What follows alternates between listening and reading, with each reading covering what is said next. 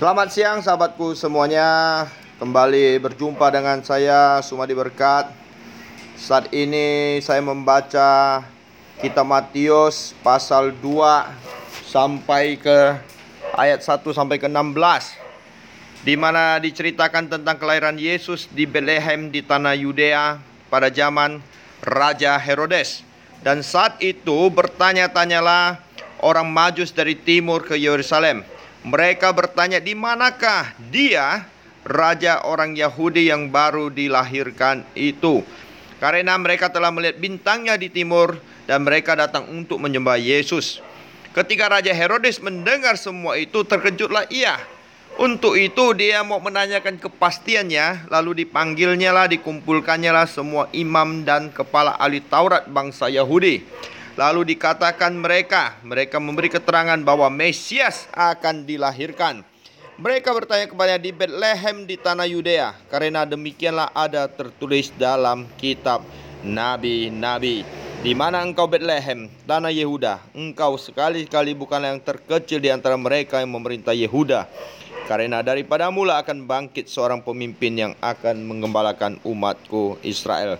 Dengan itu diam-diam Herodes memanggil orang-orang majus itu dan menanyakan dengan teliti supaya ia bisa mencari namanya Yesus Kristus yang baru dilahirkan itu. Namun malaikat berbicara kepada orang majus untuk tidak kembali ke tempat itu. Apa yang terjadi? Sahabatku semuanya, hal itu membuat Raja Herodes sangat marah dan ia memerintahkan untuk membunuh semua anak-anak laki di Bethlehem dan sekitarnya yaitu anak-anak yang berumur dua tahun ke bawah. Apa yang ingin saya sampaikan buat sahabatku semuanya? Jadi firman Tuhan tentang kelahiran Yesus Kristus bukanlah cerita, bukanlah dongeng.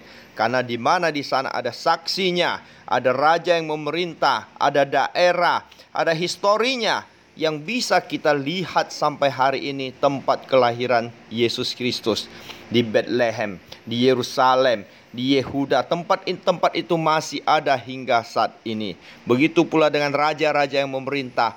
Itu adalah sejarah dan tidak bisa dipungkiri. Jadi sahabatku semuanya, jikalau ada pada kita yang masih ragu tentang kebenaran daripada kitab Injil, maka saudara-saudara perlu memikirkannya ulang.